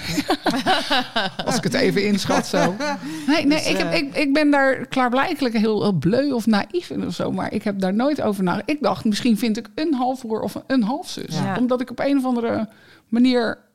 Ik vind het nog steeds gek dat, dat er zo lang en zo vaak gebruik is gemaakt van dezelfde donor. Ik begrijp het, want er waren er niet zoveel. Maar even serieus. Ja, maar je kan Welke generatie je ook in zit, je kan wel even nadenken over het feit als je Ja, hè, in, in onze situatie 15 jaar lang ja. gebruik maakt van iemand als zaaddonor, dat is niet heel verstandig. nee. En het tekort eh, praat ook niet altijd goed om dan zo'n Nee. keuze te maken Nee. natuurlijk. Hè? Nee, bl- blijkbaar willen we geen neven kopen. Dat, eh, Nou ja, wat ik van mijn ouders heb begrepen was het, hè, ik, wil eh, de artsen niet, eh, niet naar over ze praten, maar het was wel een hele dure kwestie. Ja, Dus is dat ik- zo? Ja, want dat- moeder dat heeft daar ook wel eens iets over gezegd. Dat is wat ik van mijn ouders heb begrepen, is dat het echt wel Oh, grappig. Want mijn Veel, moeder zegt... veel geld eh, heeft gekost. Maar ja, dat ligt misschien ook maar weer net aan. mijn moeder zegt dat het ziekenfonds betaalde. Maar ja, Nou, ik ben van tien jaar later na- na- natuurlijk. hè. En hè, bij mijn ouders die moesten alles zelf betalen. Ja. dat was allemaal stiekem. Ze, mijn ouders dus hebben heel bij het ziekenhuis het- gelopen, ja. maar daar was een enorme wachtlijst. Ah. Dus toen zijn zij doorverwezen naar Amsterdam, omdat ze eh, eh, zeiden van ja, anders gaat het nog zoveel jaar duren voordat jullie eindelijk eens Ja. aan de beurt zijn. En ze waren al best wel veel jaar getrouwd. waren jaren getrouwd. Ja, ja, een jaar of acht volgens mij. Hey, en je praat heel warm eigenlijk hè, over je ouders. Je hebt een heel Ja. fijne vader, lieve moeder. Betekent dat ook dat je, want je hebt ook niet aangevoeld, hè, en je zei, je, mijn zusje heeft dat wel een beetje gehad. Betekent dat ook dat je heel fijn bent opgegroeid eigenlijk? En dat je daarom misschien zo je loyaal voelt? Of, of is dat Ja. niet zo? Nee, ik heb me wel zitten afvragen of het dan nog scheelt hè, eh, wat voor verstandhouding je hebt met je ouders. En of je inderdaad je, je vader die je opgevoed eh, heeft nog ziet. Ik begrijp van jullie allebei dat dat niet zo is. En dat dat, dat waarschijnlijk wel iets zou veranderen aan de situatie. Eh, als, als dat het, het verhaal is. Ben ik heel erg. Kijk, ik heb een best een turbulente jeugd gehad. Eh, omdat er was gewoon. Ja, dat vind ik dan zo lullig om te zeggen. was best wel wat ruzie bij ons thuis Ja. omdat mijn zusje niet altijd even makkelijk eh, was. Eh, maar mijn ouders zijn altijd hele warme mensen geweest. Van, van, eh, dus ik heb hun altijd als hele warme ouders ervaren. Ook al was er dan een hoop drama Ja. geregeld. Je had zelf wel goed contact met, met jouw ouders. Ja, ja, eigenlijk nooit geen goed contact Nee. gehad. Nee. En dat is ook wel. Misschien zit dat in mij, maar ik. ik kijk, mijn, mijn jeugd is niet ideaal geweest. En mijn ouders hebben daar echt wel steken in laten vallen. En daar, dat heb ik ook wel eens met hun besproken. En daar zijn zij ook heel open in. Van ja, ja. Terugkijkend hadden wij het wel anders kunnen aanpakken. Echt waar? Eh, Want dat met vind ik dan jou, ja. Ehm, omdat ze dus niet zo open mensen zijn Nee. eigenlijk verder. En dan ga Nee, je- niet over dat onderwerp. Maar dat is eigenlijk dan een soort wel van het enige. Ja, want Wat- eigenlijk dat eh, eh, toegeven aan je kinderen van hè, dat je in Ja. de opvoeding niet handig hebt aangepakt, Ja. is ook best wel moeilijk, kan Ja. ik me voorstellen. Maar dat is ook het gekke, want mijn ouders zijn dus eigenlijk hele open mensen. Behalve dit is echt het enige. Ja, kan in principe met mijn ouders alles bespreken. Dat heeft mijn moeder ook altijd gezegd. heb ik niet altijd gedaan. Want ik heb wel een soort ongemak als het gaat om bepaalde onderwerpen met je ouders bespreken. Maar die komt niet bij, bij mijn ouders vandaan. Maar dit onderwerp is echt wel ja, eh, een hele lastige. Maar verder dus eigenlijk bijna niks. verder kan je over alles praten. Ja. En kunnen zij dus ook wel ehm, reflecteren op Ja. hun eigen gedrag en Ja. zeggen dat hadden we niet handig aangepakt. Ja, Bijzonder. ja. En eh, nu, nu ik er zo over praat, denk ik ook wel... oh ja, dat is eigenlijk best apart. En koppel je dat dat jouw zusje eh, wat lastiger het had in jullie gezin? Koppel je dat dan aan dat zij misschien hè, van een andere donorvader, dus een ander DNA, ander spirit. Nou, hoe Ja. het wil. Of eh, zeg je van nou dat is. En misschien minder thuis in dit gezin, bedoel je even? Ja. Of, eh, Ja, precies. Hmm, dat vind ik wel lastig. Vind het sowieso wel lastig om over mijn zusjes te ja, praten. dat hoeft ook niet als je niet wil. zij er Nee. niet bij is. Want ik wil ook niks kwetsend eh, eh, over haar zeggen. Nee. Nou, misschien Eh, moet je dan zeggen. Kijk, zij heeft nu op dit moment ook een hele warme band met Ja. mijn ouders. ja, is wel goed gekomen. Eh, eh, op volwassen leeftijd kwam, kwam voor haar een diagnose dat zij ADHD heeft. Dat is in, in die tijd dat zij opgroeide, was dat nog helemaal niet bekend. Dus zij had het gewoon moeilijk. En mijn ouders hadden het moeilijk met haar. Ja. En ik had het moeilijk met het feit dat iedereen het moeilijk met elkaar had. ja. Want het zorgde voor een hoop gedoe en, en geruzie. Jij, bent, Thuis. jij bent heel erg gesteld op harmonie. Ja, ik ben eh, wel de Mhm. vredestichter altijd Ja. geweest. En dat hoor je als kleinkind natuurlijk niet te zijn. Nee. En dat is ook wat, wat mijn ouders dan hebben aangegeven van ja. eh, de rol die jij had binnen het gezin, zeg maar, dat was niet jouw rol. Nee. We hebben daar toen de tijd nooit bij stilgestaan, omdat we eh, te druk en te afgeleid waren met alles wat er speelde. Ja. Ehm, maar of dat dan. Kijk, je, je- weet natuurlijk, eh, net zoals dat ik het syndroom van Marfan heb. Je weet niet of de ADHD die mijn zusje heeft, eh, sowieso erin zit. En of dat dan bij mijn moeders kant vandaan is, natuurlijk ook een erfelijk eh, Ja. ding. Ja. En of dat dan al dan niet beïnvloed is door het hele donor gebeuren, dat, dat weet je niet. Nee. Als ik kijk naar de band die mijn, mijn zusje nu met mijn ouders heeft, die is wel gewoon warm. Ja. Ik zie in haar altijd, dat, dat vind ik dan altijd wel soort sneu, dat zij wel een bepaald schuldgevoel heeft over het feit dat zij zo lastig is geweest. En of dat dan misschien wel, uh, uh, dat daarin het donorkind zijn een rol speelt. Dat zeggen wij ook wel eens tegen elkaar, dat zei ik net ook kort, weet je, dat je dan. Uh, een van de eerste dingen die ik dacht toen ik het hoorde was: Oh, en ik heb, ben best wel naar en lastig voor mijn ouders geweest.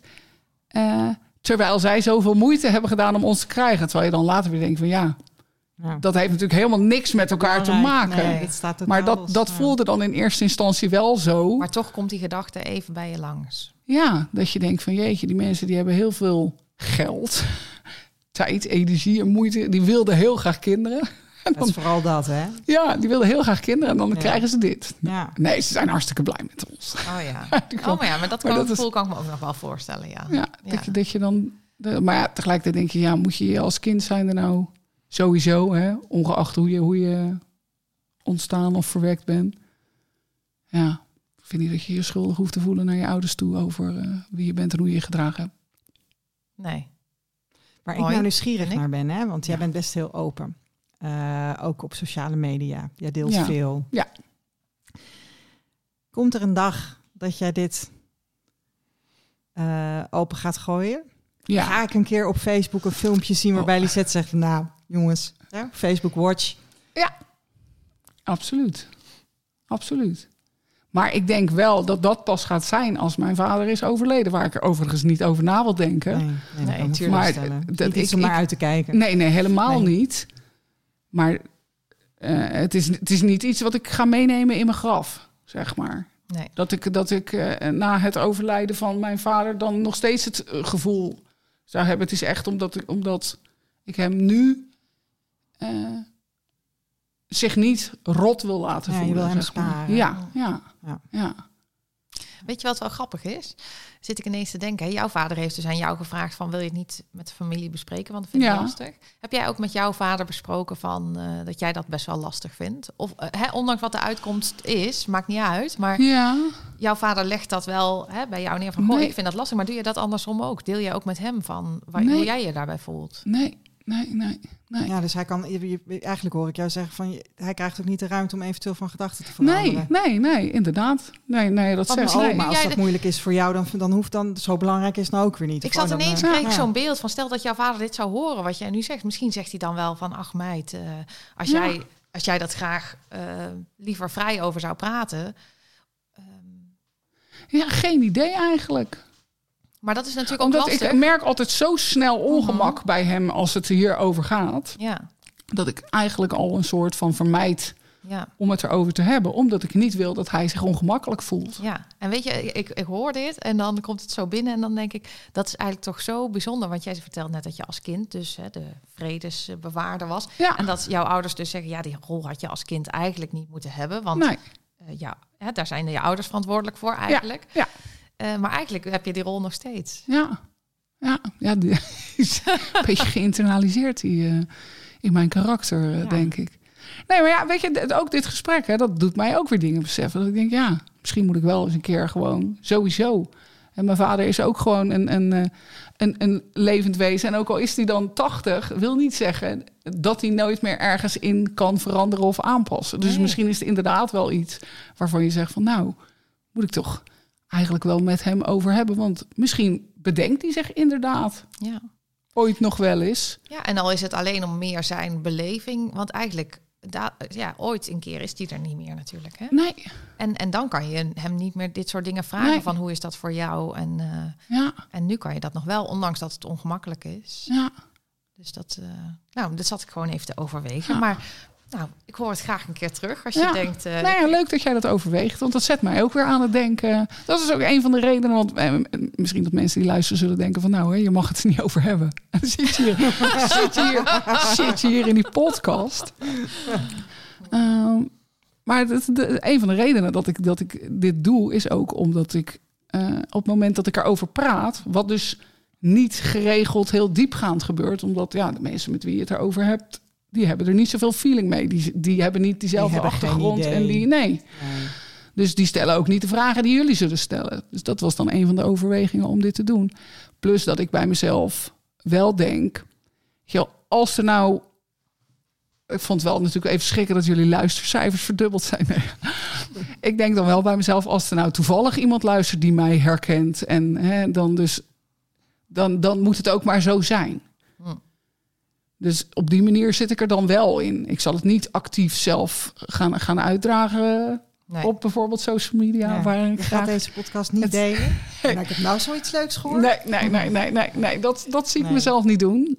Maar ik zal hem wel liken. Als jij hem deelt, dan zal ik hem zal ik niet zo. eh, dat Maar ik, het dat is ik dan het. vreselijk dat je hierover na moet denken. Ja. Dat, eh, Ja, want ja. dat, dat, dat vind ik het lastig aan. En daarom vond ik het ook spannend om je uit te nodigen. Eh, sowieso vind ik dat je er heel knap over praat. Voor iemand die er niet, niet vaak over praat. Dus dat eh, Nou, dank je. echt... eh, en ik vind jouw constatering net heel mooi. eh, eh, Al die Eefje. complimenten zijn Ja, zo goed in, hè?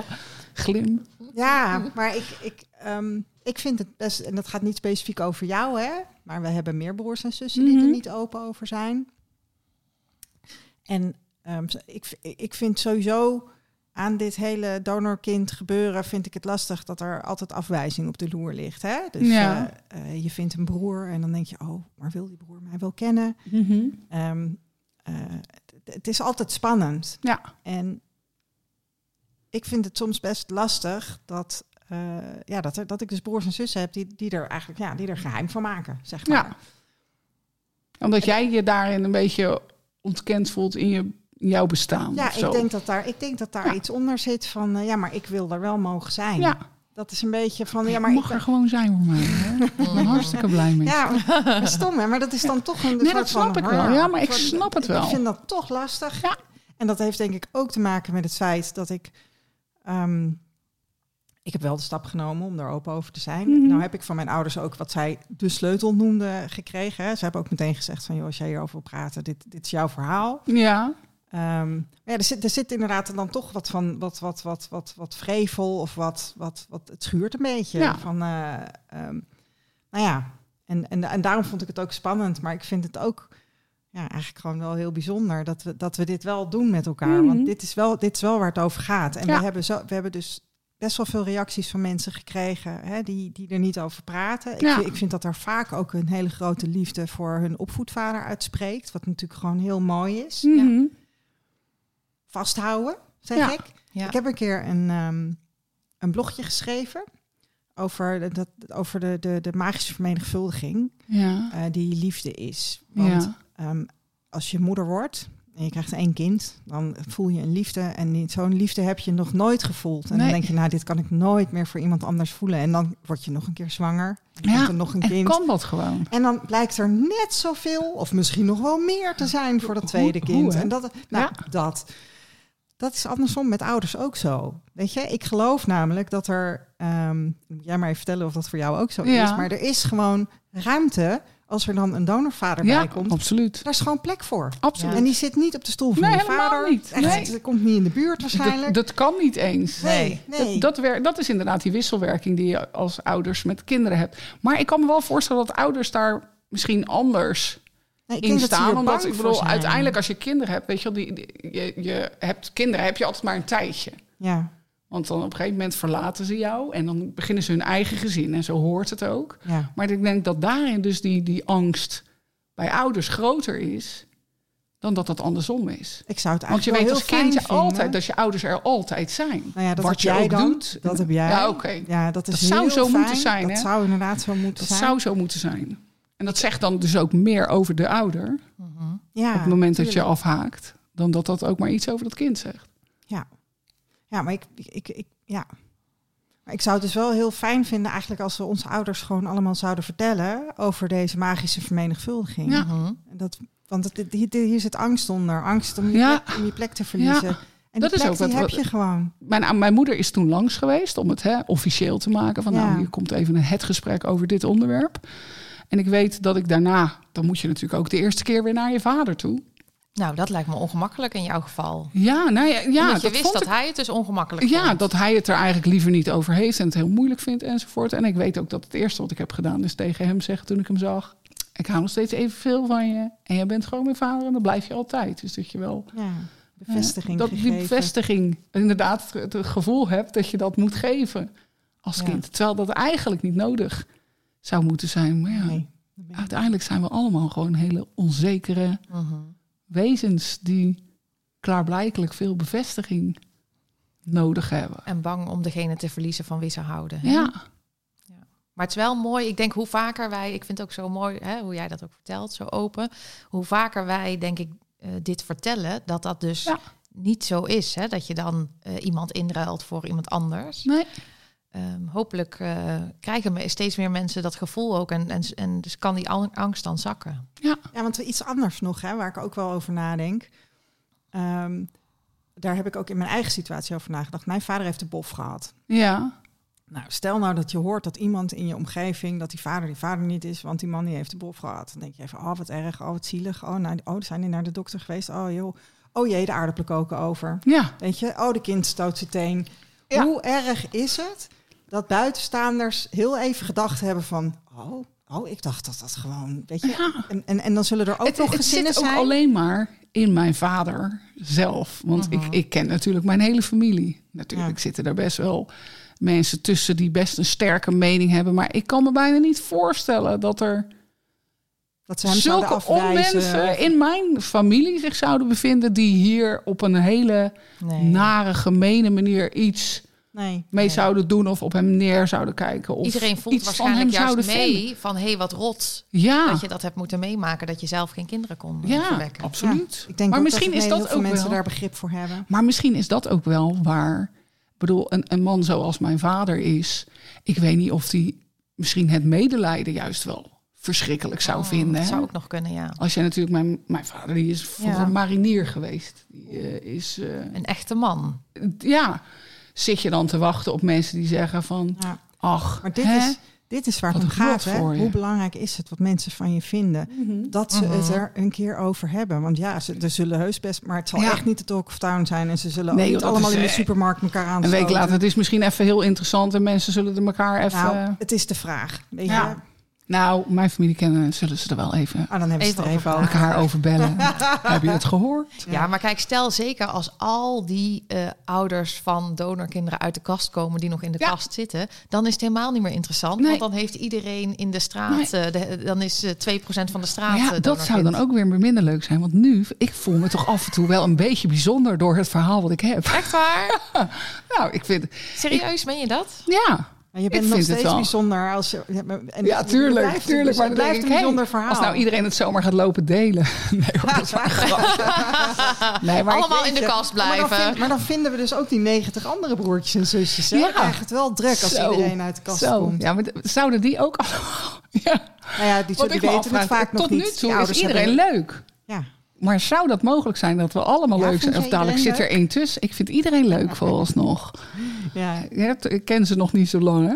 Misschien Ik verandert ook, dat ik nog. ook niet. Nee, maar dat is, ook, dat is natuurlijk ook het gekke. We zitten hier als zussen aan tafel en we zien elkaar voor de vijfde of de zesde keer. Weet je Ja, wel. dat is Dus bijzonder, ook, hè? Dat is ook gewoon het Ja, maar gekke toch voelt het wel gewoon. Jij voelt voor mij wel als jij bent mijn familie. Ja, nou, dat, Dat- heb, dat, dat- heb ik ook Ja. zeker. Dat Ja. vind ik heel mooi. Ja. Ik krijg helemaal kippenvel van. Ja. Mooi is dat.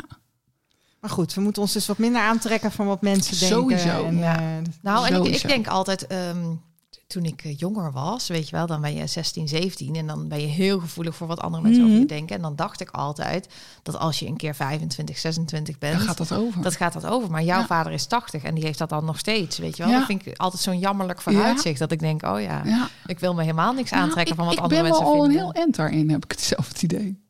Als ik, als ik mezelf vergelijk met tien jaar geleden, denk ik nou... Ja, jij groeit kan- daar zelf wel ja, in. ja, ja, ja, Maar misschien juist wel door, door dit weer allemaal.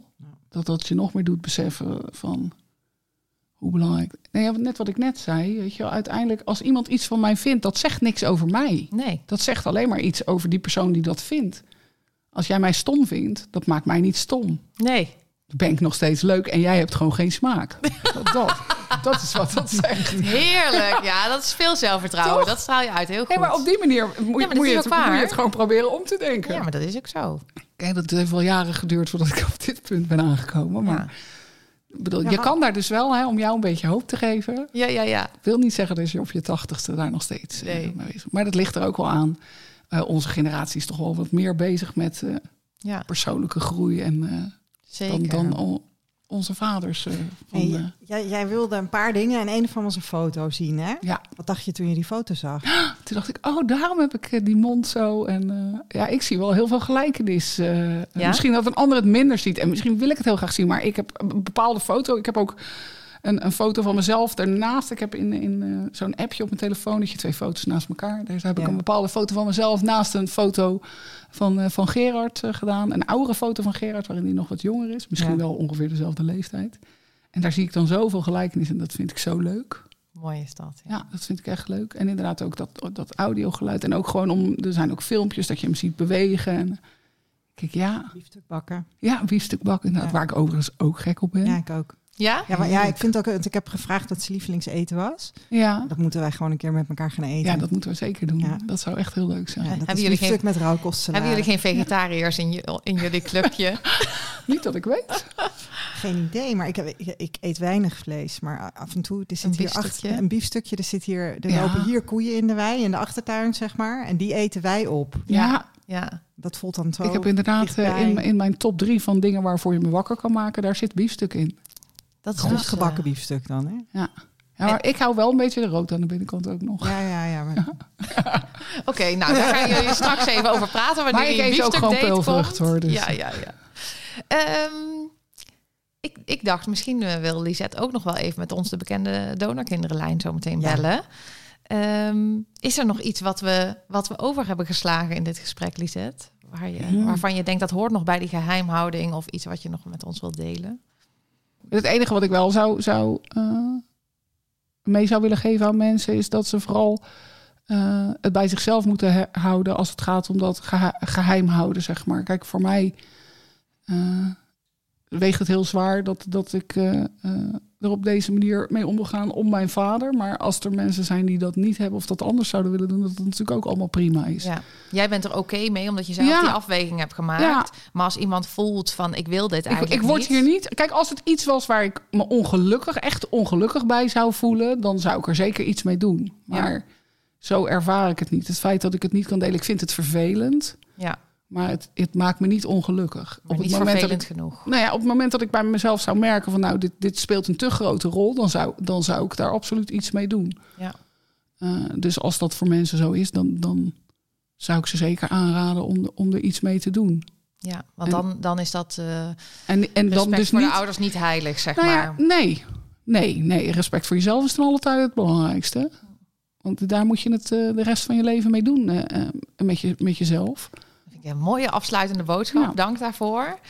Ehm, ja, maar gaan we bellen? ja, spannend. Nou, eh, Wie gaan we bellen? we gaan dus de bekende donorkinderlijn bellen. Ik zal vast het nummer intoetsen. Ja. En Lisette, ken jij bekende mensen die donorkind zijn? Helemaal niemand. Dat is echt diep triest. Ik ben jullie podcast aan het luisteren, uiteraard. Maar Ja. eh, te weinig vrije tijd om, eh, om eh, nu al helemaal up-to-date zijn met alles. Ja. Maar ik zag dat jullie dat deden. En toen dacht en toen jij... dacht ik, ik ken helemaal niemand. Nee, dus en de Gordon en, en, en Linda en, en nou, Matthijs van Nieuwkerk. Je, we hebben laatst wel een, eh, wereldberoemd donorkind aan de lijn gehad. Ja, het is één keer gelukt. Daar Ja. was Lisette nog niet met luisteren. Ik wou zeggen, al. daar ben ik dus Nee, nog precies. Nee. En, en, niet. Dus eh, hou het maar een cliffhanger. ja, precies. Maar, maar, maar die zei wel van, joh, ja, we zoeken dus eigenlijk iemand van het kaliber Linda Gordon of uh, Matthijs van Nieuwkerk. Bo, dat kan toch bijna niet anders dan dat er een echte, echte. BN'er moet zijn. Tuurlijk, Statistisch gezien. Ja. sowieso. Alleen, eh, ja, we proberen dus ook we in de kast. eh. pro- proberen ze te bereiken. ja. En eh, nou, dat gaan we nu ook, eh, ja. ook weer doen.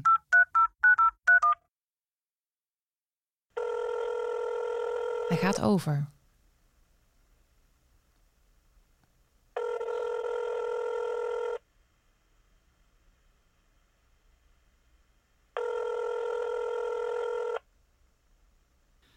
Ik mag van mijn moeder maar vijf keer de telefoon laten overgaan, Lisette. Jij dat ook? Ik heb dat helemaal niet. Nee, jij gaat eindeloos Oh, door. ja. Bel gerust nog een keer erachter. Doe, doen we één keer extra.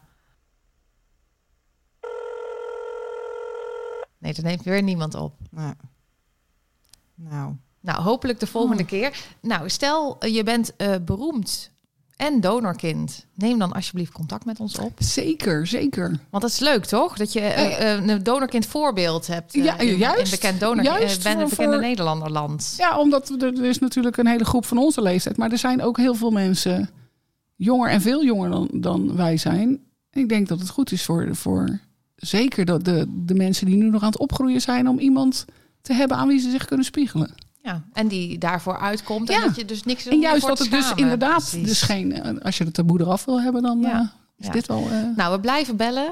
Ehm, dan gaan we afsluiten, denk ik. Dit was de zesde aflevering eh, van De Kwak Kwaakt. Ehm, onze tune is van eh, Shane Ivers. Speak Easy heet hij. En die vind je op www.silvermansound.com.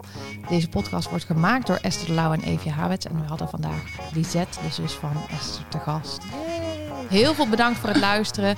Eh, heb je vragen eh, aan ons, eh, mail ze dan naar dekwakwaakt.gmail.com.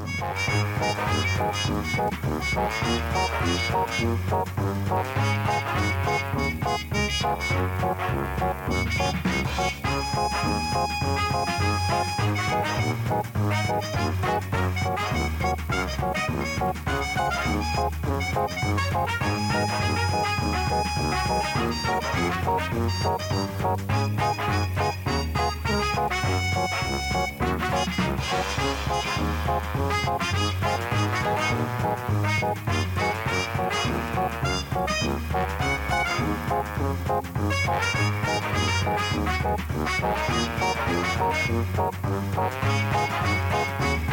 Thank you.